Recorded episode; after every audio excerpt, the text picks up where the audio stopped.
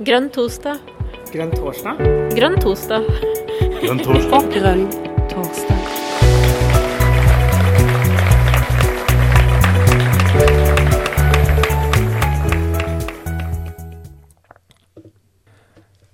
Supert, folkens. Da skal jeg passe på at jeg har um, uh, tingene klart. Velkommen til Grønn torsdag og Grønne menn et uh, mannsperspektiv. Um, før vi starter, så tenkte jeg at vi skulle ta en liten poll. Så hvis dere bare følger med på skjermen nå, og så svarer dere på det spørsmålet som dukker opp. Så får dere noen få sekunder til å områ dere og uh, gi en stemme. Spørsmålet som dere får, er Kjente du til mannsdagen for en uke siden? Og 15 av 17 har nå svart. Um, så jeg stopper pollen hvert øyeblikk. 16 av 17 har svart. Og da ender jeg pollen. Og det var da ni stykker som sa at ja, og syv stykker svarte nei. Og ingen var fristet til å svare på tullesvaret vårt, som var 'hæ, mannsdag'. Så det, var jo, det betyr at vi er en veldig, veldig seriøs gjeng, og det syns jeg er veldig hyggelig. Um, så jeg kan jo vise det for dere også. Slik ser det altså, altså svarene ut. Så er det sånn Da vil jeg aller først starte med å si, når jeg først har hatt denne pollen, gratulerer alle menn med mannsdagen. Jeg tror det er lov å si gratulerer. I hvert fall så blir det, hender det at noen gratulerer meg 8. mars. Det er hyggelig å kunne gratulere dere 19. november. Jeg er glad det er få av dere som har, ikke drar den helt ut og skal ha, insistere på bart og være veldig sånn ultramaskuline. Det er lov, selvsagt. Men uansett, gratulerer med mannsdagen. Og så tenker jeg, hva er det som gjør det til at uh, vi trenger å diskutere dette her? Og Jonas, du fikk mine øyne opp for dette uh, når du fikk tak i uh, grønne menn. Kan du fortelle litt om problemstillingen? Ja, det kan jeg jo gjerne gjøre. Jeg blei jo invitert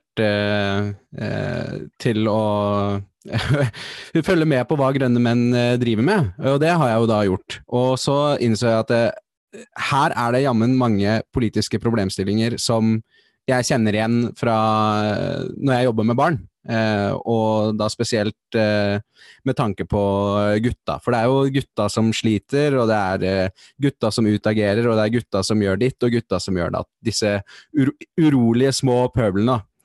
Og, og, da tenker jeg at det, når vi har eh, folk i partiet som vil og kan eh, løfte den problemstillinga, så tenker jeg at Grønn torsdag er en perfekt anledning til å gjøre det. For det er eh, utrolig viktig at vi diskuterer disse tinga. så da har vi jo fått med Simen Mørstad Johansen fra Grønne menn, som skal få lov til å presentere både seg sjøl og hvem Grønne menn er, og hvorfor eh, hvorfor vi trenger et eh, mannsnettverk i Miljøpartiet De Grønne. Så Simen, du kan egentlig bare sette ja, i gang, du. Da skal jeg sette i gang. Um, ja, um, tusen takk aller først for å få lov å, å, å lansere oss uh, og, og, og, vårt uh, så smått påbegynte arbeid uh, her på Grønn torsdag. Det er en stor Stor, stor ære. Um, og det er veldig gøy å kunne gjøre det på selveste mannsdagen. Takk for gratulasjonen, Karina. Veldig, veldig bra. Um, nå skal jeg switche på en, um, en, presentasjon som jeg allerede har fått litt skryt fra Tete Proffut. Så det gleder jeg meg til å dele med dere alle. Uh, håper det blir uh, riktig teknisk. Uh, sånn. Ser det bra ut? Det ser bra ut. Ja, det ser, ser veldig bra ut. Ja, det, er, det ser like proft ut nå som i stad. Oi, nå må jeg legge ned bildene, ser jeg. Sånn. Um, Jeg er altså uh, koordinator for uh, Grønne menn. Uh, vi er en gruppe på et lite styre på fem og en gruppe som stadig vokser litt grann, av, av engasjerte MDG-medlemmer. Eh, vi har gleda oss veldig til dette og er veldig spente på denne lanseringa. Um, presentasjonen har jeg valgt å kalle 'Hvem er den grønne mannen?' Som er et litt sånn filosofisk uh, spørsmål um, som det ikke er veldig rett fram å svare på. Men jeg håper vi kan få en god diskusjon rundt det spørsmålet etter hvert.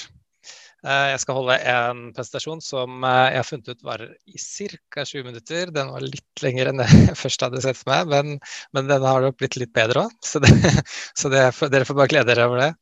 Um, og formålet med denne seansen utover å introdusere oss selv og vårt arbeid, er å stille spørsmål og starte en, en, en bredere samtale i partiet om samfunnet trenger et mer eksplisitt kjønnsperspektiv også på menn, eller et mannsperspektiv i politikken. Hva et eventuelt grønt mannsperspektiv kan være, og hva vi grønne menn, altså hva et mannsperspektiv kan bidra med til partiet.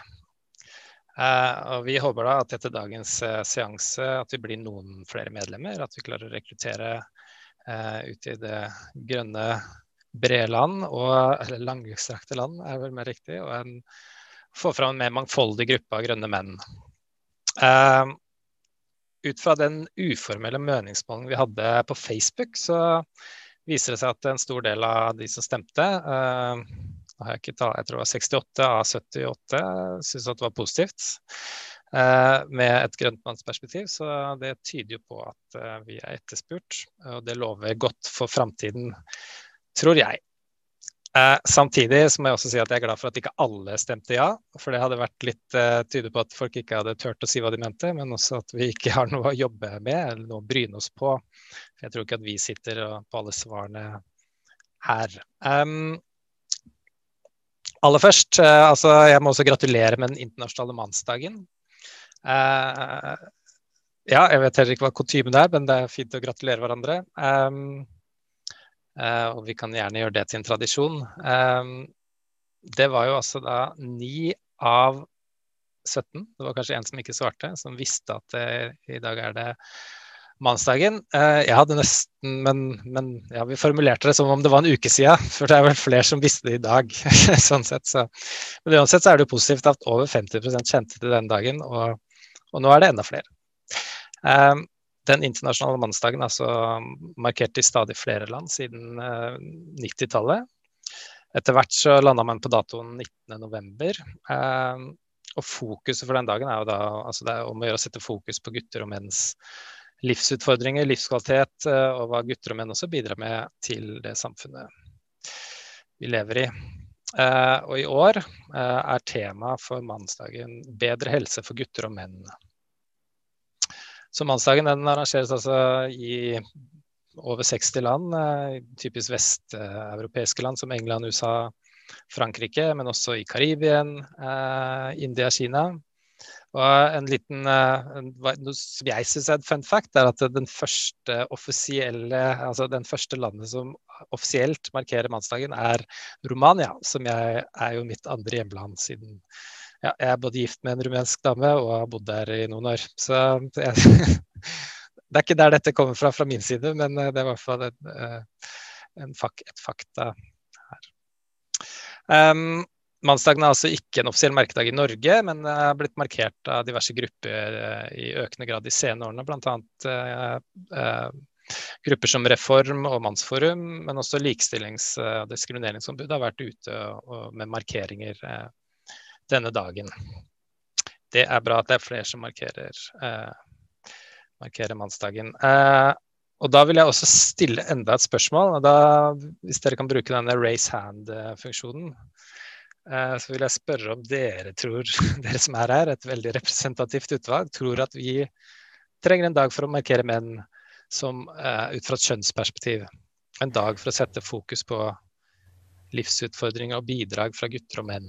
Jeg foreslår at de som mener ja, skriver trykker på den grønne yes-knappen, og de som mener nei, trykker på den røde no-knappen. Da får vi opptellinga med en gang, skjønner du, ja, Simen. Ja, veldig bra. Veldig bra at noen kan, kan styre dette.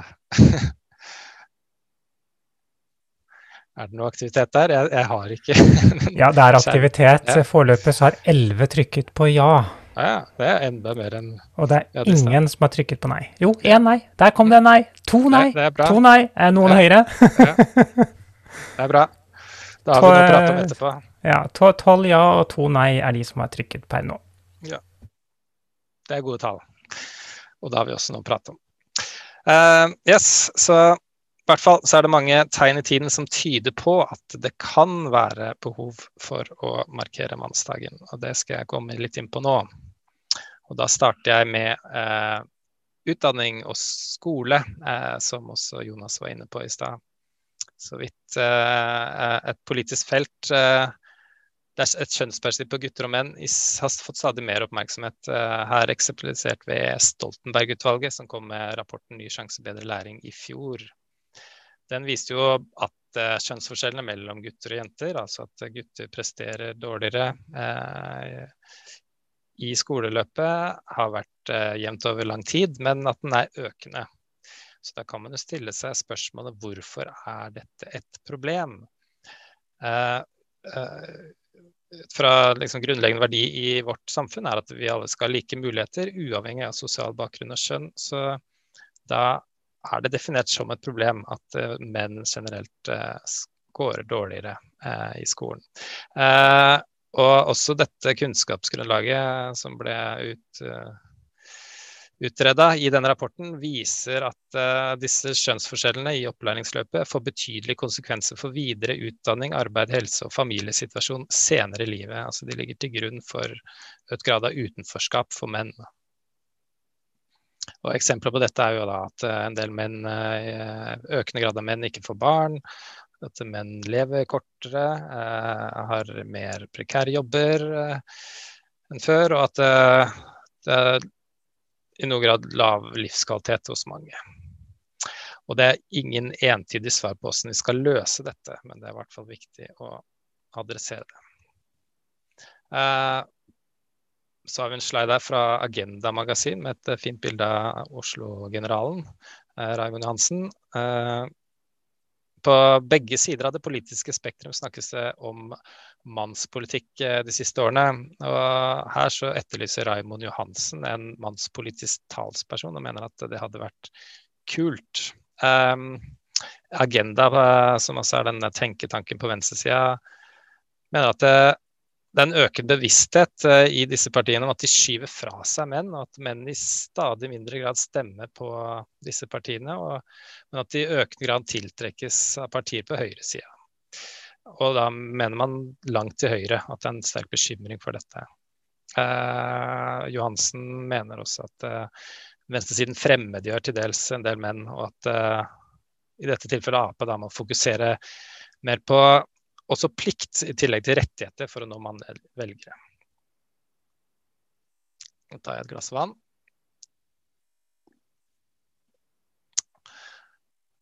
Også på høyresiden eh, og de tenketankene som finnes der, eh, her ved Minerva, så tematiseres altså dette mannsperspektivet. Eh, Nils August Andresen skriver sitat, uh, menn og kvinner er ulike og påvirkes systematisk ulikt av samfunnsstrukturer. Det er mye som ikke går i menns favør, og nevner mange av de samme feltene som vi har vært inne på før. Uh, I dette klippet vel merke vises det til at venstresiden har behov for en mannspolitisk talsperson, men, eh, men det er stadig eh, tematisert i Minerva eh, mannsperspektiver. I diverse artikler så skrives det om at eh, menn i, i noen grad demoniserer, lat, demoniseres, latterliggjøres og anses som en mindre viktig gruppe. Altså Her snakker vi på sånn retorisk nivå. da. Og at dette da særlig gjelder menn med lavere utdanning, eh, men at kan at man generaliserer. da. Og det og Minerva da, eller de skriver her om at dette er en eh, skummel måte å snakke om en eh, gruppe så, på, som eh, på mange måter kan karakteriseres som sårbar, ut fra det vi har sett tidligere. Eh, han mener videre at det bør være legitimt å anerkjenne at det finnes mannlige gruppeinteresser, men at om disse ikke fanges opp i konstruktive former, så har de en tendens til å tyte ut i form av aggressiv identitetspolitikk. vi håper jo at vi kan fange det opp i konstruktive former i grønne menn. Så hva er det med menn i vår tid? Det er jo forskningens domene ofte å stille seg det spørsmålet. Og også innenfor kjønnsforskningen så har man begynt å stille mer systematiske spørsmål om menn fra et kjønnsperspektiv. Det er jo nettopp forskningen som legger kunnskapsgrunnlaget for, for både problembeskrivelser i samfunnet, og derfor også hvilke temaer og hvordan disse temaene blir formet, som vi utvikler politikk om. Uh, I vår så har Kilden, som altså er en, en slags samleside for kjønnsforskning.no, det er adressen, de har hatt en uh, kronikkserie som har handlet om, om menn. Eh, som har mange, mange gode artikler, noen som ikke er like gode, men det anbefales varmt å ta en titt på det. Jeg lærer mye. Um, og i denne faksimile jeg har her, så er det da Linda Marie Rustad som er redaktør for, for dette denne nettsiden, som innleder denne serien med kronikker. Og aller først så stadfester hun at det forskes for lite på menn som kjønn. At menn ikke forstås ordentlig som kjønn på godt og vondt. Og videre så peker hun på at, det, at vi har vært blinde for menn som kjønn, og at uh, manns kjønnsidentitet også kan legge hindringer i veien for gutter og menn. Uh, stiller seg derfor et spørsmål om vi trenger et eksplisitt kjønnsperspektiv eh, også på menn. Og et perspektiv som ikke bare generaliserer, men også fanger opp alle forskjellene eh, hos menn. Eh, det kalles jo ofte et såkalt interseksjonelt perspektiv, som er jo eh, blitt mer og mer kjent de siste åra og mye debattert. Eh, eh, men som da handler om å fange opp hvordan diverse identitetskategorier samvirker. F.eks. klasse, etnisitet, alder, seksualitet. Men også bruke det i forhold til menn. Da. Og da fange opp bedre mangfoldet for å beskrive menns livssituasjoner bedre. Eh, det stilles også spørsmål i forskning om mannsrollen og hva de kulturelle normene for hva menn kan gjøre og ikke gjøre som mann i dag, og hvor går grensa for når en mann ikke lenger oppfattes som en mann.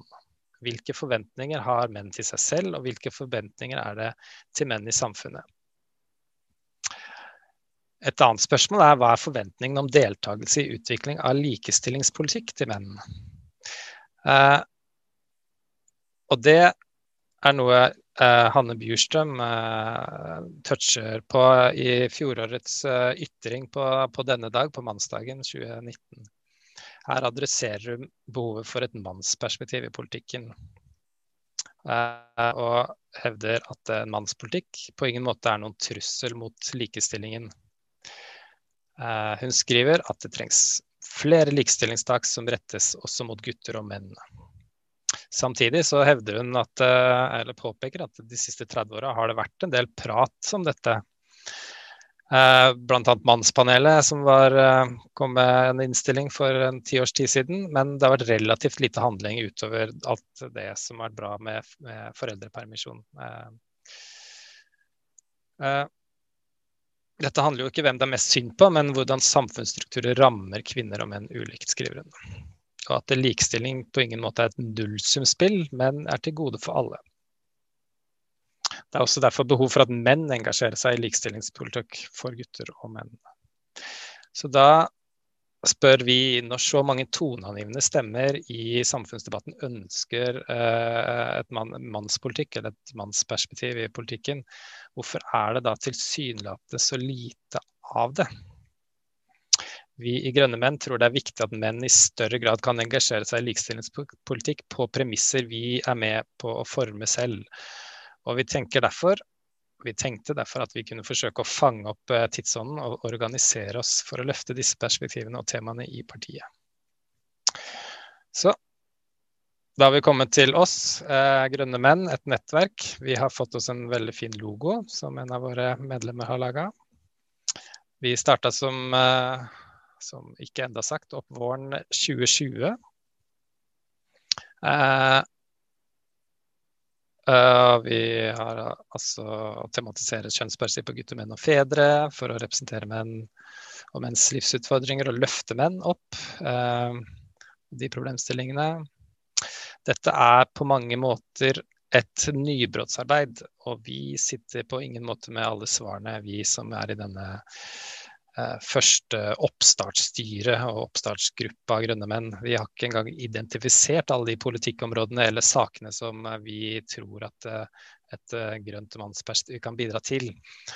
Så Derfor ønsker vi også flere medlemmer og et større mangfold i, vårt nettverk for å bidra til dette.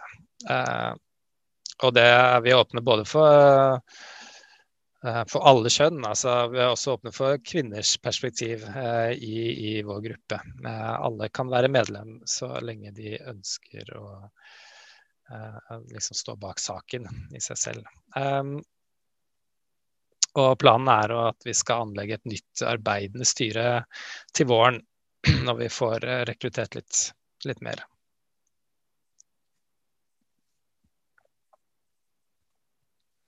Uh, planen er jo rett og slett uh, og dette er jo første punkt, å bli, bli, ansett som et anerkjent nettverk i partiet. Altså ikke nødvendigvis et formelt nettverk, men et som uh, blir uh, tatt med til råds. Um, og, og, og, bidrar med, med, med, gode innspill til politikk. Uh, og tanken vår er jo også at vi har ikke nødvendigvis tenkt å leve for evig som nettverk, men at så lenge det er behov for oss, um, så når eh, et uh, grønt mannsperspektiv er en integrert del av, vår måte å tenke på, så tenker vi også at da kan vi godt uh, legge ned dette nettverket. Det aller første vi har gjort, samla som, som, gruppe, er et innspill til, til førsteutkastet av partiprogram, som var nå i september. Her kom vi med et ganske omfattende innspill på åtte, åtte sider. Um, men del, det var, vi syns i utgangspunktet det var en del bra elementer i partiprogrammet, men vi håper jo at vi kom en del innspill som styrka det ytterligere. Og vi er veldig spent på hva, hvordan det ser ut, dette andre utkastet som nå kommer vel ut om en ti dagers tid, hvis jeg ikke tar helt feil. Eh, noen av de innspillene vi hadde, eh, bl.a. om helse og psykisk helse, at vi foreslår en, en offentlig utredning og handlingsplan for for mannshelse. Eh, innenfor utdanning og arbeid så tenkte vi at det, det, kunne være spennende å forske mer på fleksibel skolestart. Eh, og også flere tiltak for å bedre balansen i kjønnssensitive yrker. Dette er kanskje et begrep ikke alle med en gang forstår. Så det betyr eh, yrker og områder der lederne og de ansattes kjønn er av stor betydning for målgruppenes ulike psykiske og sosiale behov. Altså type sånne velferdsprofesjoner som omsorgsyrker og oppvekst og skole og helse. At det skal være en bedre balanse mellom menn og kvinner der. Innenfor familie og oppvekst så ønsker vi bedre tiltak for å regulere samvær mellom foreldre og barn etter brudd, for det er jo en del vonde, vonde situasjoner der. Eh, og i forhold til menns utenforskap så ønsker vi en mer omsorgsfull inkluderingspolitikk. Um, og så da var spørsmålet ja, hva, hva, er det grønne stempelet på dette mannsperspektivet? Uh, hvorfor er det viktig for oss i MDG, akkurat vi som er mest opptatt av klima og miljø, og et samfunn som er bærekraftig for de neste generasjonene? Et, et, viktig poeng da, for oss er at menn i mindre grad tror på klimaendringene.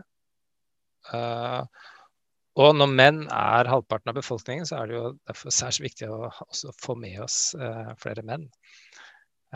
selv om jeg jeg vet nok at det, er, det er relativt jevnt fordelt allerede. Men uansett viktig å få med oss flere folk. vi som har satt oss som mål å være et flaggskip i det 21. århundres viktigste folkebevegelse, altså miljøbevegelsen, vi må også skape en grønn bevegelse som inkluderer også disse mennene.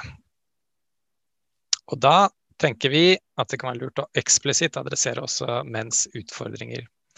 Siden vi er opptatt av solidaritet med alle mennesker, og vi er opptatt av livskvalitet.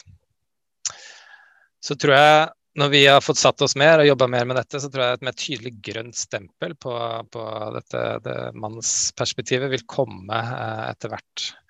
Eh, og vi tror altså det kan være klokt å jobbe strategisk med rekruttering av velgere og med rekruttering av medlemmer, men også mannlige velgere blant menn. Um, så nå er vi på vei mot å lande her. Er vi tilbake til spørsmålet fra starten. Hvem er den grønne mannen? Som er et ganske filosofisk spørsmål. Og da kan man stille seg er det, er det denne mannen som står alene eh, og har klatret opp på et høyt fjell? Eller er det kanskje mer rimelig å se for seg også de mennene som eh, vi har bilde av på på plakaten til eventet. Altså dette mangfoldet av menn. Selv om det kanskje ikke var uh, så mange eldre og så mange barn på det bildet, så, uh, så er det uh, et lite poeng. Jeg har ikke noe godt svar som sagt, på dette hvem er den grønne mannen. Jeg håper vi kan snakke videre om det. og at vi kan snakke om hva grønne menn altså, kan bidra med til politikken, samfunnet og, og vårt parti. Eh, det var den uh, prestasjonen. Er du nysgjerrig på oss, så ja, kan du ta kontakt. Takk. Veldig, veldig, veldig bra, Simen. Ja, jeg, jeg, ble, veldig mye klokere på, på hva dette handler om. Og du har faktisk allerede vervet to kvinnelige medlemmer, ifølge chatten. Eh, så, så, det, så, dette her går jo strake veien. Så det, til alle dere seere der ute også, og lyttere, så er det jo bare å, å finne fram grønne menn og melde seg inn. Eh, takk skal du ha. Så hvem er den grønne mannen? Det er jo det store spørsmålet som jeg gjerne skulle hatt uh, svar på. Um, jeg regner med at det er noen som har lyst til å kommentere, stille spørsmål. I så fall så er det mulig å tegne seg nå ved å velge raise hand-funksjonen, eh, eller å skrive navnet sitt inn i chatten og si at hei, jeg vil gjerne si noen ord. Eh, og mens vi venter på at folk tegner seg eh, Birgitte, du har jo eh, fått lov til å lytte til dette her. Du liker jo å være i bakgrunnen, vet jeg. Så, men hvis jeg får lov til å stille deg et spørsmål, hva tenker du når du hører at nå er grønne menn etablert? Uh, endelig, tenker jeg da. Uh, og jeg, uh, jeg, jeg, tror også at jeg Eller det er mulig andre har spurt før meg, men jeg skrev i hvert fall først i chatten Eh, så fort Simen hadde sagt at det var faktisk eh, lov for eh, alle kjønn å være med, så ba jeg sporenstreks om å få bli medlem. Um, selv om jeg er kvinne og mor og hetero og hele greia. jeg er mor til menn, da. Og jeg er jo glad i menn. Det har jeg vært hele livet mitt. Uh, og da jeg var liten, gikk på barneskolen, så fikk jeg kjeft fordi jeg oppførte meg som en gutt. Og det jeg ser nå, det er at gutter får kjeft for at de oppfører seg som gutter på skolen. Og det er en forverring, syns jeg. Eh, det er ekstrem sånn kjønnsnormativitet nå når det gjelder atferd. Uh, og Derfor så tror jeg vi trenger absolutt grønne menn. Jeg prøvde å finne det på Facebook. Da fant jeg bare et band fra, som hadde sin siste Facebook-post i 2012. Um, så jeg tror jeg kanskje må lete litt mer, eller så må noen sende meg en lenke.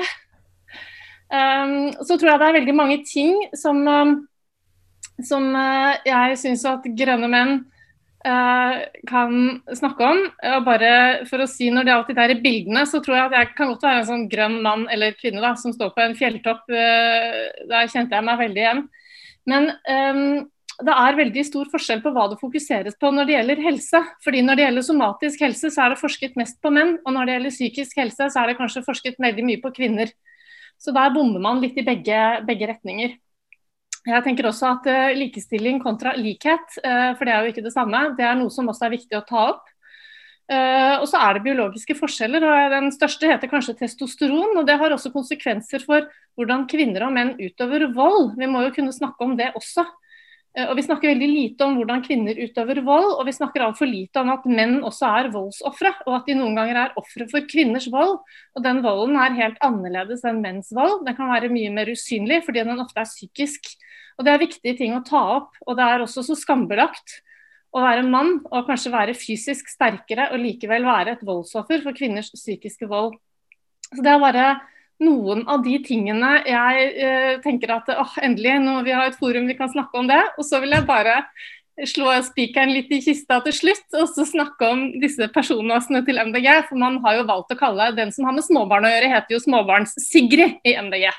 Uh, og det burde man jo kanskje uh, sagt at uh, kanskje man burde hatt en småbarns-Simen, da, f.eks. Uh, hvorfor valgte man akkurat Sigrid? ikke sant? Vi går i, vi går i grøfta hele tiden. Så ja, jeg tror ikke jeg skal si mer enn det, men jeg håper at jeg får lov å være medlem i Grønne menn, i hvert fall. Men jeg tror jeg kan kjenne meg veldig hjemme der på mange måter. Ja, ellers så kunne man også brukt ordet, eller navnet Sigurd, småbarns-Sigurd. Så er det på en måte, ja, så, så, høres det, klinger det litt likt også. Og jeg kjenner en Sigurd som er en veldig, veldig god far, så, så jeg tenker at det hadde ikke vært dumt. Eh, tusen takk, eh, Birgitte. Simen, har du lyst til å kommentere noe av det som Birgitte har sagt? Eh, kanskje det med kvinner og vold mot menn av kvinner? Ja, eh, aller først så jeg det veldig hyggelig å høre fra, fra, deg, Birgitte, og at du har prøvd å søke oss opp. Og akkurat det, så det har, Jeg tror det har dukka opp i dag at det går an å søke opp Den grønne menn-gruppa. Eh, det har nå vært en privat eh, lukket gruppe fram til nå, og så har vi åpna den eh, i forkant av dette arrangementet og vår lansering. Eh, I forhold til dette med vold mot eh, menn, så jeg har jo så vidt eh, løfta spørsmålet inn i, Facebook-gruppa. Eh, TMDG sin Facebook-gruppe, og det er jo Ja, altså det er, det er et vanskelig tema å snakke om.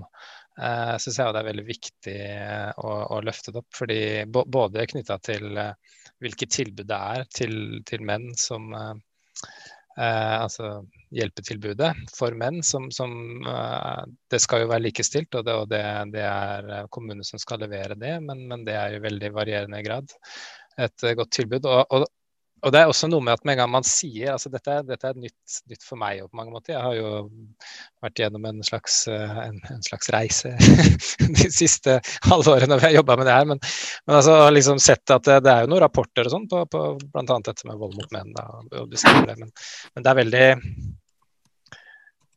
ja, ja, det er jo sånn også at når man, når man liksom tar opp dette med at man eh, menn kan finne på å le da, av det. Eh, og det er jo og det, det, sier jo både litt om hvor på en måte tabubelagt det temaet er, men også hvor viktig det er å løfte det opp eh, og, og, jobbe med det og få det ut i det åpne. Så det Ja. Veldig, veldig bra å ha deg med, Birgitte. Takk for det, Simen. Da det, går vi videre på talerlista, og da har Reidar Nilsen bedt om ordet. Og det skal han få. Vær så god, Reidar.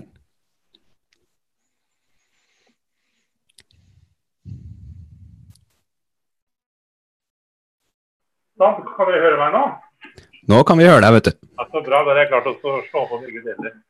Jeg syns det var utrolig flott å, å høre på Simen. Og jeg syns det er utrolig flott at uh, det er yngre menn nå som tar tak i dette her slik, og prøver å løfte opp og se på de utfordringene som menn uh, står overfor. Jeg er jo bestefar etter hvert, men jeg har vært opptatt av dette temaet siden uh, 1976 fra 1976 og to år fremover så tok jeg en barnehagelærerutdanning og jobba senere i barnehage. Og jeg og flere med meg var litt opptatt av dette med gutter og, og, utvikling av identitet osv. Noe som vi så da, det var det at når barn lekte, eller, lekte, når de lekte mor og barn, så, så var gjerne jentene med, og gutta var med. Og de lekte eh, hjemme, de, de stelte med dokker, de laga mat osv. Og, og så ble mor hjemme, og så skulle far dra på jobben. Og satte seg på trehjulssykkelen og sykla ut. Og der ble far sittende. For da visste ikke han noe mer av hva han skulle gjøre. Og jeg tror at veldig mye av dette er at det over ganske mange år så har liksom mannen blitt fjerna fra guttens eh, opp, eh, eller leveområde. Eller eller gutten ikke noe, hadde ikke noen mulighet lenger til å for observere far i arbeid. Gutten visste ikke noe om hva far gjorde. Altså Far som en identifikasjonsfigur ble borte på barnet, borte på gutten. Og akkurat her så tror jeg at vi, at, at, at vi har en utfordring. Sånn i forhold til Hvordan skal vi som menn bli synlige igjen, slik at gutter har muligheten til å identifisere seg med oss, trekke seg med oss. Gutter skal bli menn, de skal ikke bli jenter. Ikke sant? Og Derfor så trenger de også et mannlig identifikasjonsobjekt. Og det mannlige identifikasjonsobjektet det har over mange tider blitt sløra ganske mye til. Så der er det én utfordring. Og så har vi dette med gutter i eh, skolen. Gutter er jo gjerne et offer for det at de har eh, jenter til lærere. Det er fint omtrent ikke menn i eh, skolen lenger, iallfall ikke i barneskolen. Eh, gutter er mer urolige, de er klønete. De gjør en god del rare ting. Modningsmessig så ligger de etter jentene. Jentene utvikler seg raskere. Og jentene er på en måte flinkere og lettere å ha med å gjøre. Så mange faller igjennom allerede der.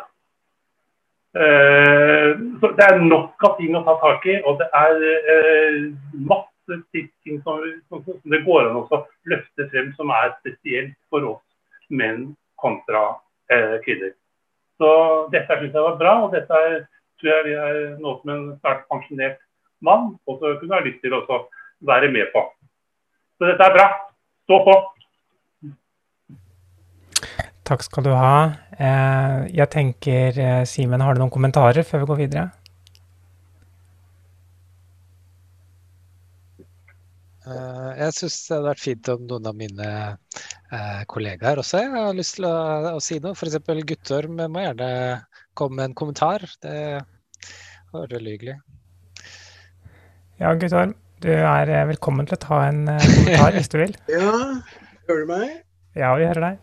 Ja, nei, jeg syns jo Simen har lagt det frem så, så fint i dag. Så, og jeg syns det er kommet fine poeng allerede på denne korte diskusjonen. Og jeg kan bare kommentere til det siste da, at uh, det er en dobbelt uh, problem for gutter i skolen. Uh, på den måten at mange etter samlivsbrudd så blir mange av guttene boende hjemme hos mor uten far hjemme.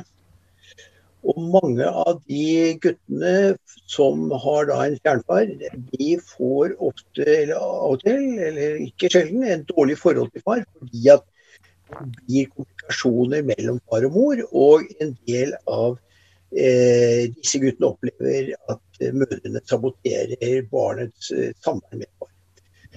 Eh, og dermed så får de ikke den gode kontakten med gode mannlige rollemodeller hjemme. Og så forsterkes det når de kommer i barnehagen, når det er 90% kvinner og bare 10 eh, menn. Eh, og så går de videre til skolen, og da er det 80% kvinner og bare 20% menn. Så i hele kjeden av dette her, så er det et farssavn, et mannssavn, et farstap, eh, som gjør at de ikke får de mannlige rollemodellene som kvinnene, jentene får hele veien. Både hjemme, i barnehagen og på skolen. Sånn at Det er liksom en dobbel utfordring for disse guttene. Og, og, da skulle man jo tro at skolen ville kompensere det med å jobbe mer for å få mannlige lærere. Eller få ja, eh, for disse utsatte gutta. Vi ser jo at mange av de har dårligere odds i, i hele utviklingen, og også senere i livet, enn en gutter som vokser opp med både far og mor, eller i et delt eh, bosted. Så her er det, Jeg syns dette er en veldig grunnleggende og veldig viktig side av, av dette med gutter, menn og fedre. Og fortjener mye større oppmerksomhet, også fra, fra MDG. Mm. Takk skal du ha, Guttorm. Eh, da er det slik at eh, Vidar han har vært veldig tålmodig med å vente på ordet. Han har rukket opp hånden sin. Så Vidar, vær så god, ordet er ditt. Ja, dette er, litt, dette er, nok et litt annerledes innspill i forhold til grønne menn. Og mitt anslag er i dag hvem er disse grønne menn som kan gjøre en forskjell? Og ikke hvilke grønne menn som har det ubehagelig i, i, i, i, livet sitt. Så mitt fokus er på den første biten, da. Og Norge består jo av titusenvis av, av virksomheter som typisk har en størrelse på 20 ansatte, og som typisk eh, drives og ledes av en mann eh, som er 50 år gammel, og som som er litt grønn. Um, og så er det sånn med, med menn de, de, er nok villige til å løpe noe mer risiko enn en kvinner.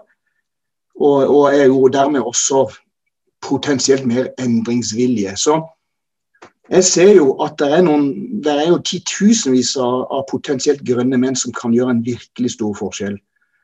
Så, så her syns jeg det er et, et, et, ganske kraftfullt uh, mulighetsrom som, um, som, grønne menn i, i MDA med fordel kunne, kunne jobbe med.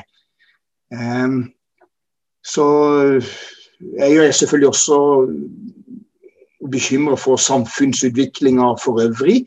Og jeg vet jo godt at det er jo disse, disse mennene som lever i ufrivillig sølibat, de har til og med fått et navn, en selv. de eh, er storkonsumenter av, av pornografi. Eh, og, og, er da helt ut, utenfor et, et, det vi kan kalle for et, et normalt kvinne-mann-samliv. Så, så, jeg håper Simen, at, at, dette lille innspillet mitt om, om at det kunne brukes til noe. Ja, Simen, kan innspillet til Vidar brukes til noe? Ja, jeg, jeg syns det var et veldig spennende og, og, viktig innspill i forhold til det å, å få folk med oss eh, i den grønne folkebevegelsen. Så må vi på en måte løfte også menn opp da, og, og, og, vise fram hvilken riktig rolle de har i den jobben de gjør i det daglige for akkurat, det, for akkurat den endringen. Da. Så jeg syns det var et veldig veldig godt innspill, og at det er noe vi kanskje burde jobbe med i vår uh, retorikk, muligens. Eh, og løfte, løfte menn og gutter opp denne måten.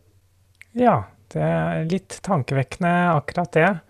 Eh, Jonas, du eh, har vært litt i bakgrunnen nå, eh, men jeg vet at du har jo tanker og perspektiver eh, rundt, eh, rundt, rundt menn og, og, og, menn i samfunnet og politikken. Vær så god, Jonas. Jo, takk. Ja, det stemmer. Og jeg tenker litt på dette med eh, hvorfor engasjerer ikke menn seg i likestillingspolitikk? Eh, sjøl så har jeg jo kalt meg sjøl feminist siden jeg var 16, eh, og, måte, og, gjør fortsatt det, selv om jeg mener at det er eh, viktig at vi også begynner å diskutere disse tinga. Men jeg tenker litt på eh, å kunne tenke meg å høre hva dere andre eh, tenker om eh, følgende. Fordi at eh, I eh, likestillingsdebatten så blir det jo ofte spørsmål om likelønn, ni av ti bedrifter har kun menn i styret, den typen ting. Og så tenker jeg at når de konfliktlinjene der tas opp, som riktignok er veldig viktig, så er det jo egentlig en forsvinnende liten andel av menn man egentlig snakker om. Selv om menn flest, altså, flest menn er i maktposisjoner, så betyr jo ikke det at de fleste menn er i en maktposisjon, eh, nødvendigvis. Altså, tank, nå tenker jeg da altså, eh, økonomisk, eh, i arbeidslivet osv. Så, videre. så eh, det mediebildet vi ser, da, og de overskriftene, eh, tenker jeg i hvert fall at kan være med på å gjøre det mindre attraktivt for menn å være med i likestillingsdebatten, fordi at man eh, blir på en måte eh, tatt for å ha noen privilegier som man kanskje ikke opplever sjøl at man har, da, hvis man er i et uh, lavtlønnsyrke og uh, kanskje er ufrivillig barnløs etc., uh, etc. Um, så uh, det er jo ganske sterke krefter å kjempe mot. Jeg vet ikke hva du tenker, Simen, men det var en tanke som datt ned i hodet mitt, i hvert fall.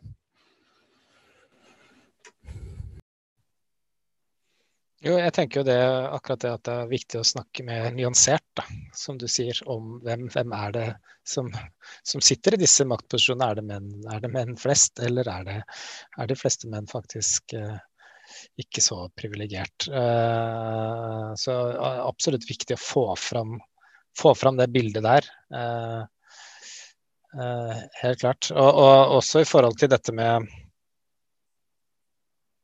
Ja, jeg har også eh, på et tidspunkt tenkt meg selv som feminist. Og jeg har for så vidt ikke vært så engasjert i likestillingspolitikk, men jeg må jo si at det er veldig mye mer engasjerende uh, og, og sånn som jeg er engasjert nå, da, uh, for mitt, mitt, eget kjønn. Ikke mot kvinner, men liksom for, for, for, basert på mine erfaringer. Eh, og jeg har jo lest en del det siste året når vi har starta med det her. og jeg, jeg syns jo det har gitt masse sånne åpenbaringer av, av, forhold jeg, eh, på en måte ja, bare ikke var bevisst på før. da, Når jeg har lest noen sånn, det, det, det ligger jo noe litteratur det er jo noe litteratur eh, knytta til, til mannsperspektivet og mannspolitikken.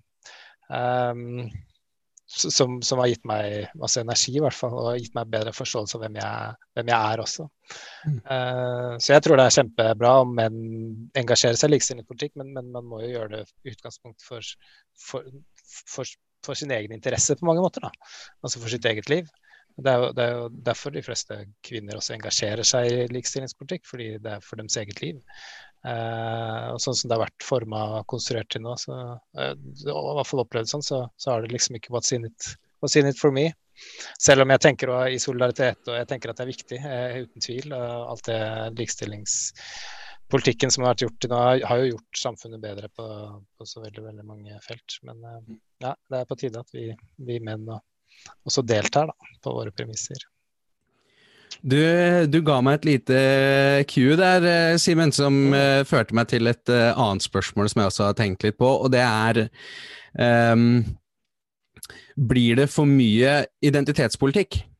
Er dette, for du sa mot, altså ikke mot kvinner, og det er jo en veldig bra ting, for disse tinga bør jo kunne uh, eksistere parallelt. men Um, jeg tenker litt på at, vi i større, at det går i den retning at vi i større grad uh, føler fellesskap på bakgrunn av kjønn, på bakgrunn av hva vi liker, uh, hvilke TV-serier vi ser på. altså uh, Den type ting, da, kontra de mer sånn grunnleggende, grunnleggende tinga som hvor vi bor, altså hvilken plass man har i økonomisk systemet og den typen ting. da, Og spesielt i klimasaken, da, så tenker jeg jo at vi Det er vanskeligere å forene alle de som må forenes, nettopp fordi at um, vi som uh, mennesker er i ferd med å bli uh, delt inn i veldig mye mer fragmenterte grupper. Uh, hvis jeg følger, følger den tanken der. så ja, det er på en måte veldig delt. For jeg, tenker at vi er jo først og fremst mennesker, og gir det da mening at vi skal på en måte ytterligere dele oss inn i denne typen kategorier, da, og at alle grupper skal ha en politikk for seg. Um, ja. Vi har, jo, vi, har, vi har jo vært innom litt forskjellige ting, men ja, altså bare litt, eh, altså Dette har jo vi også diskutert en del i vårt uh, styre. Uh, og jeg tenkte i hvert fall mye på det i, i, når vi, når vi starta opp. Er det, er det, på en måte er det produktivt, eller er det egentlig ikke produktivt å, starte opp en sånn uh, gruppe for menn? da? har vi landa på at jeg, jeg, skrev i en sånn svar på Facebook i dag at veien eh, ut av identitetspolitikk er kanskje gjennom det, rett og slett. At, eh, og, og, da kanskje med tanke på, på, den såkalte litt sånn farlige identitetspolitikken. Da. uh, så jeg Altså, det må gå an å holde, holde begge disse tankene i hodet, eller alle disse tankene i hodet på en gang. Da. Og, og det, er, det, er, kanskje sånn at når man har jobba en stund med, med dette mannsperspektivet da, og fått utvikla en del politikk, og sånn, så, så, er det kanskje ikke like stort behov for at det er så eksplisitt lenger. Og at, at det da vil, eh, vil bli borte igjen. Da. Eh, eller at vi vil bli en integrert del av partiet, som jeg sa i, i foredraget. Samtidig så har man jo også liksom en litt sånn eh, sosiologisk eh, mekan mekanisme knyttet til organisasjoner som oppstår med et eller annet sterkt perspektiv, og de vil jo ofte fortsette å ønske å, å, leve, selv etter at det kanskje den originale behovet eller formålet til organisasjonen oppsto. Så, det, så, det, det, så, så, sånn, er, sånn er den uh, funksjonelt differensierte moderne samfunnet, tenker jeg. da. Men, men liksom det, det, store flertallet tror jeg vil slutte opp om, eller, ja, om, om det felles også. Ja. Yes, takk for uh, kommentar, eh, Simen. Da er det Magnus som er neste på talerlista, og du skal få ordet, vær så god. Ja, sånn jeg ser ut, ja. Hei. Uh, skal vi se, jeg heter Magnus, og jeg er uh, en gammel kompis av Simen. Spilte fotball sammen og, og um, jeg gikk på videregående sammen. Så han introduserte meg for Grønne menn, da. Og jeg jobber jo med Jeg jobber i uh, Mental Helse, en organisasjon som eh, fremmer psykisk helse da, fra brukerperspektivet. Så jeg kom jo inn med, fra det perspektivet med menn og selvmord, da. Men uh, jeg tenkte jeg skulle snakke om noe annet. Um, jeg tenkte jeg skulle snakke om um, hvem den grønne mannen er, da. Jeg tror det er veldig mange som er grønne menn, som ikke vet det. Og jeg, jeg er sterkt bekymret for et sånt veldig mykt venstre, da. som skremmer fra seg menn. Fordi uh, men er folk, det må. Uh, uh, og jeg vil ikke leve i en verden hvor, hvor, hvor, hvor det er bare Proud Boys. Da. så jeg vil bare prate litt om den grønne mannen. Da. Den grønne mannen, det er jo han anleggsarbeideren som bygger sykkelstier. og um, uh, grønn infrastruktur. Jeg vet ikke om dere vet det, men uh, i, rundt omkring i Oslo nå så legges det uh, nye rør. Fordi det lekker grunn fra de gamle rørene vi har nå, så lekker det vel sånn 30-40 ut av rent drikkevann. Eh, eh, lekker rett ned i jorda da, og går til spille. Og der er jo eh, Det er grønne menn da, som jobber med å, å legge nye rør. Det er grønne menn som kanskje stemmer Frp, men de, de kjører buss. Eh, og det er grønne menn som jobber på, på Grønmo og andre søppeldynger. Da, eh, som resirkulerer og sorterer eh, eh, eh materiale. Så, så eh, det er mange grønne menn der ute, men de vet ikke hvem de er. Da. Og jeg vil tenke jo sånn, rent sånn politisk eh, eh at det er eh, et slags eh, Hva er det jeg skrev her, da? Det er jo en, eh, en sånn, et trumfkort å kunne på en måte øh, prøve å være den første øh, politiske partiet i Norge som lager et en politikk da, som er på en måte eh, har fokuset på hvordan vi skal eh, få et samfunn hvor, hvor menn får det bedre. og så er det veldig viktig å si da at det ene utelukker ikke det andre. Så at menn får det bedre, betyr ikke at kvinner får det dårligere. Målet er jo at alle skal med, som Arbeiderpartiet sier de vil. Men Eh, så at man kan jobbe, jobbe sammen. Eh, fordi eh, kvinner får sønner og menn får døtre. Og jeg tenker at vi må jobbe sammen. Og det er veldig mye identitetspolitikk ute og går, da, bare for å avslutte på den noten, som jeg også syns er uh, dumt. Men for å oppsummere, den grønne mannen, uh, han han eksisterer selv om man ikke vet det. Så, den, den, grønne mann eksisterer selv om man ikke vet det. Det var en nydelig ord, Magnus. Tusen, tusen takk skal du ha. Og eh, Jeg skal straks gi ordet videre, uh, men jeg tar også nå og lanserer en ny poll. Mener du grønne menn kan være et viktig nettverk for utforming av politikk? Eh, og Så kan dere svare litt på det, og så gir jeg Reidar ordet. Vær så god, Reidar, ordet er ditt dette syns jeg er en veldig artig, artig, artig debatt. Uh, det jeg har tenkt mye på altså, Jeg ser jo at det er en del andre voksne gutter her også som uh, hadde ja, som uh, var unge på 70-tallet, 80-tallet. Ikke noe som har med seg den diskusjonen derifra. Uh, skulle vi se forskjell på gutter og jenter da, da jeg var ung, så, så, kunne vi sitte dem bakfra. Altså, jeg tenker at Idealet var at vi skulle være så like som mulig. Vi gikk rundt i olabukser og butterull og hadde de samme skoene og et lilla skjerf rundt halsen. Det var på en måte uniformen. Og så ser jeg det at liksom, mine barn, da, den generasjonen der, altså den generasjonen jenter, har på en måte tatt, tatt tilbake feminiteten sin. Som veldig mange av jentene på 60-tallet, slutten av 60-tallet og 70-tallet på en måte prøvde å skjule så godt de kunne.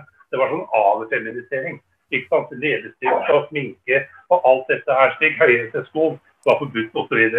Det, det, er tilbake igjen nå, hvor kvinner på en måte som understreker femininiteten sin på en helt ny annen måte.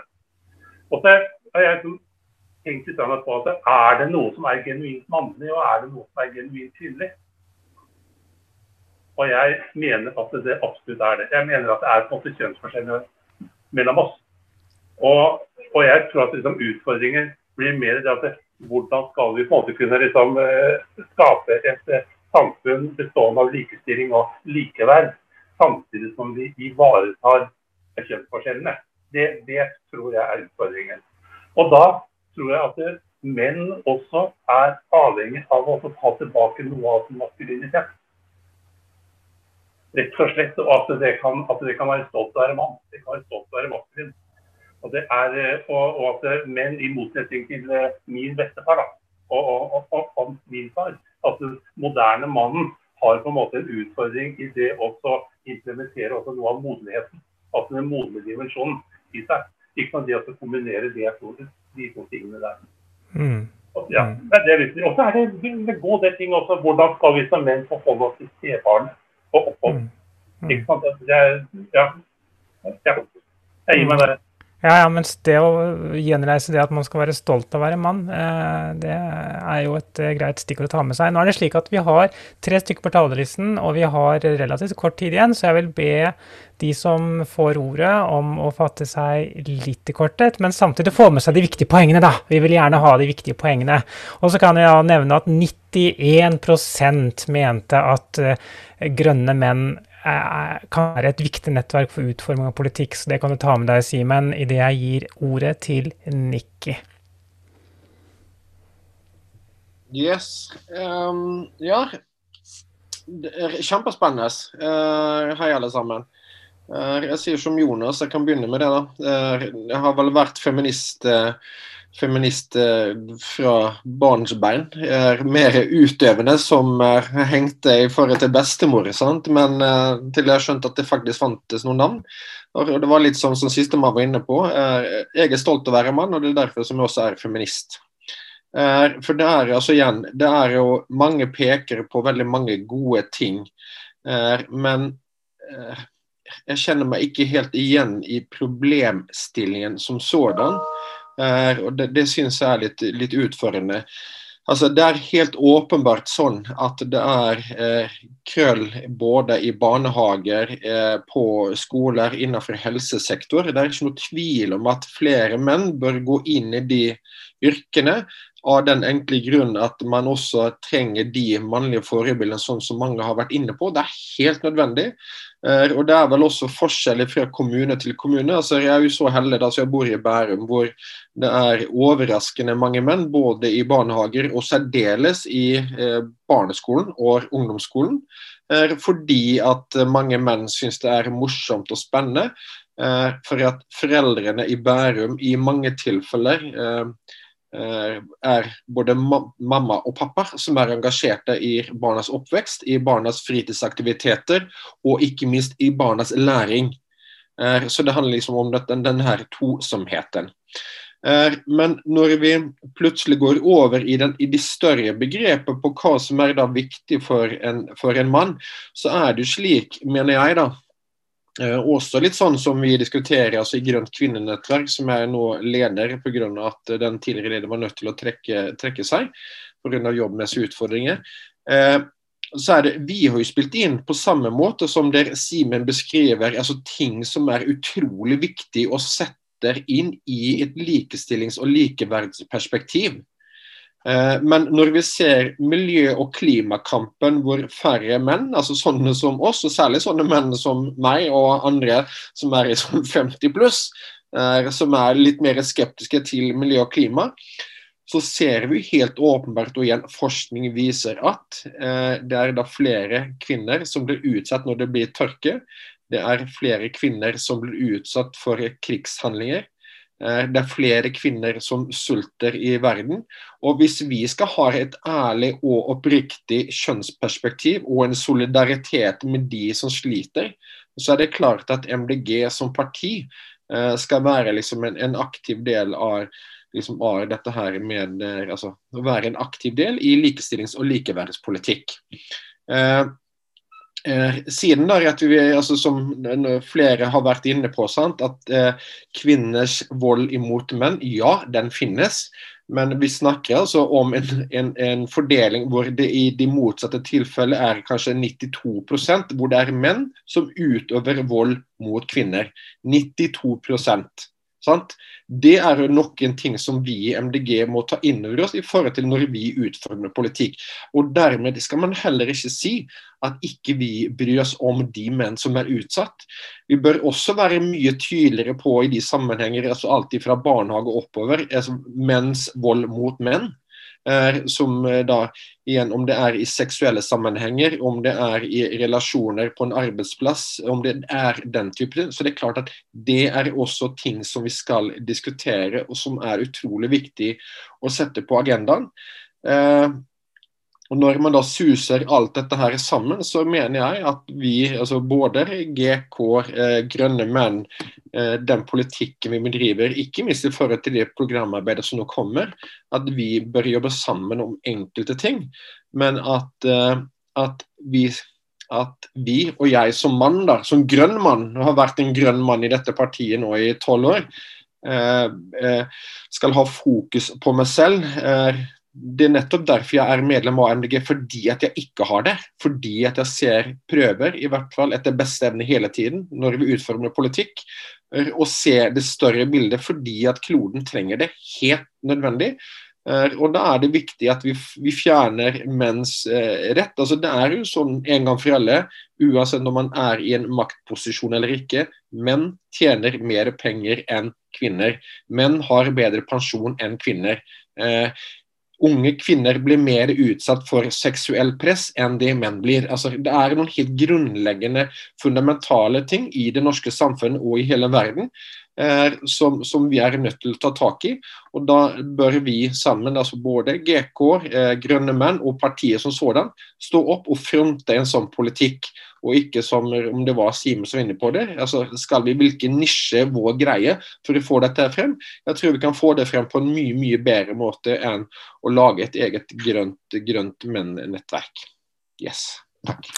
Det var eh, eh, poengtert, eh, Nikki. Takk skal du ha. Da er det slik at vi har tre som har tegnet seg, og eh, vi setter strek nå. Så Terje Olden, du som er, er, er, den siste nå som rakk opp hånden, du, du, blir den siste som får ordet. Og så vil selvsagt Simen få anledning til å kommentere litt helt mot slutten.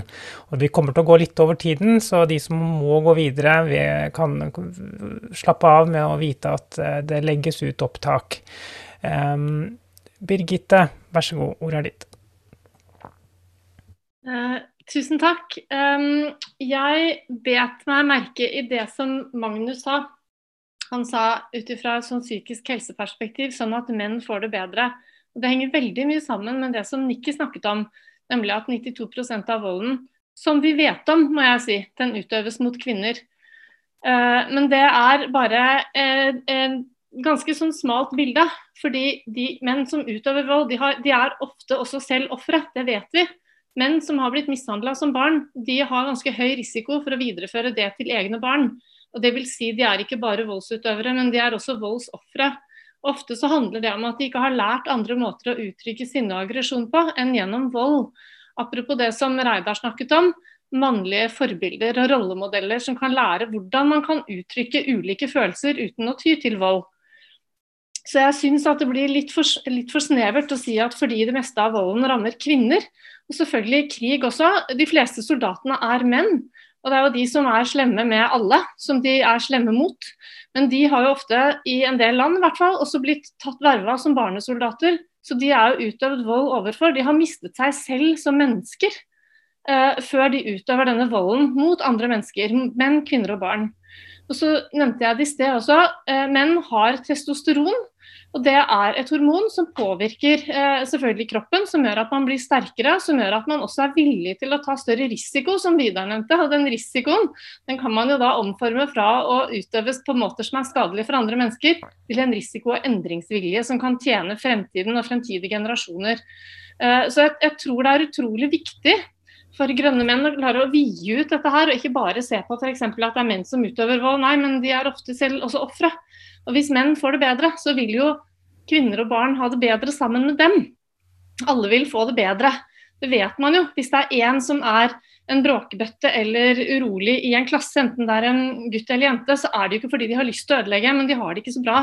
Og hvis det barnet blir hjulpet til å få det bra, så får alle det bedre. Eh, og Det er litt sånn kjønnsuavhengig, og jeg tror også at jenter som mobber, for det gjør de, hvis de får det bedre selv, blir tryggere på seg selv, så trenger de ikke å tråkke på andre for å få det bra. Eh, så det, er, det, det, henger veldig sammen, og mest av alt så er vi mennesker. Men selvfølgelig er det biologiske forskjeller. Og det er jo nettopp det som altså MDG er et mangfoldsparti. Og da må vi heller dyrke det mangfoldet og si at hurra, så fint at vi har biologiske forskjeller. Altså Hadde det ikke vært det, så hadde vi ikke blitt barn. Altså hva slags, Da hadde vi jo vært et helt Amøber, de har ikke så mye kjønn. Da hadde vi liksom vært på det stadiet. Så det er noe med å omfavne forskjellene og se hvordan kan de forskjellene dyrkes til å være best mulig for flest mulig. Og hvordan kan vi hjelpe de som ikke har det bra, uansett hvilket kjønn de tilhører, til å få det bedre. Uh, og jeg tror faktisk at det er helt nødvendig å våge å se hvordan kan man hjelpe menn også til å få det bedre, som en veldig viktig del av det som tidligere har vært kvinnesaken. Uh, hvis menn har det bedre, så blir det mindre vold. Ja, så enkelt er det. Takk. Da, da avbryter jeg der, fordi du bruker tiden, fyller tiden godt, Birgitte. Susan, ja. vær så god, ordet er ditt. Takk, takk for hele timen. Det har vært veldig spennende. Jeg jeg skjønner ikke hvorfor vi trenger grønne menn. Jeg skjønner ikke helt eh, hvorfor vi trenger grønne kvinner heller. Um, hvorfor skal ikke MDG som helhet ta oss av disse utfordringene og problemer? Det at hvis gutter gjør det dårlig på skolen, eller jenter gjør det dårlig på skolen, hvorfor skal ikke MDG ta seg av det? Jeg er litt redd for at hvis vi deler oss på denne måten, går vi bakover og ikke framover. Jeg tror vi, vi står sterkere sammen som MDG. Mm. Takk skal du ha. Frank? Eh, takk for det. Eh, jeg er kjempeglad for det initiativet som har kommet nå. Eh, som enkelte vet, så er det ved, ved et par anledninger som har vært ganske opprørt over enkelte ting i, i partiet. Eh, og jeg har også et, etterlyst engasjement av GK uten å ha fått så veldig mye, mye respons eh, for det. Eh, så, så, jeg ser det som litt problematisk at det skal ha fungert som et likestillingsorgan i parti. Eh, altså jeg tenker det er kjempeviktig at ikke, at ikke Grønne menn skal være en motpol til, til kvinnenettverket, men at, at det kan utfylle det på en, på en god måte.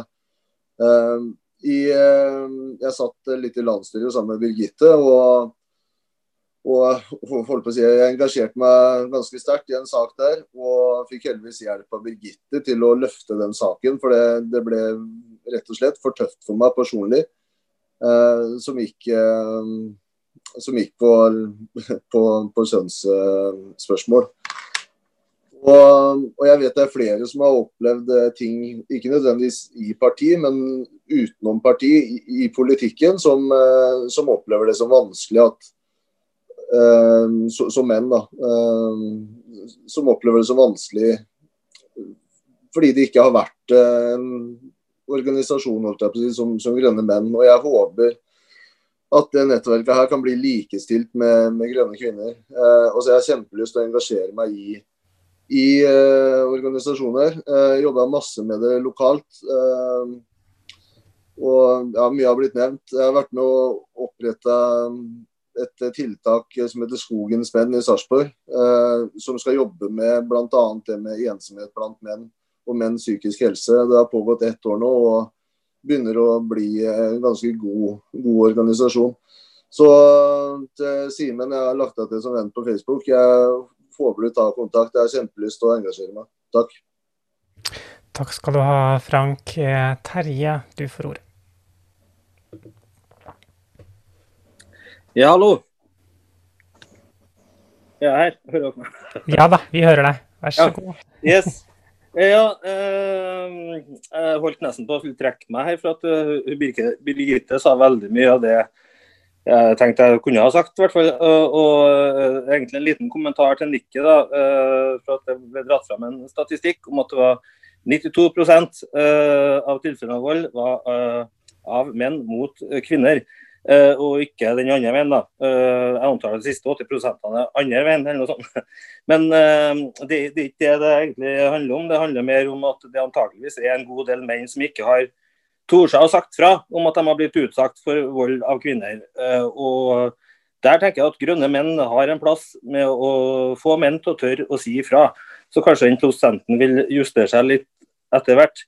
Og ja, nei, grønne kvinner er grønt kvinnenettverk, som det også heter.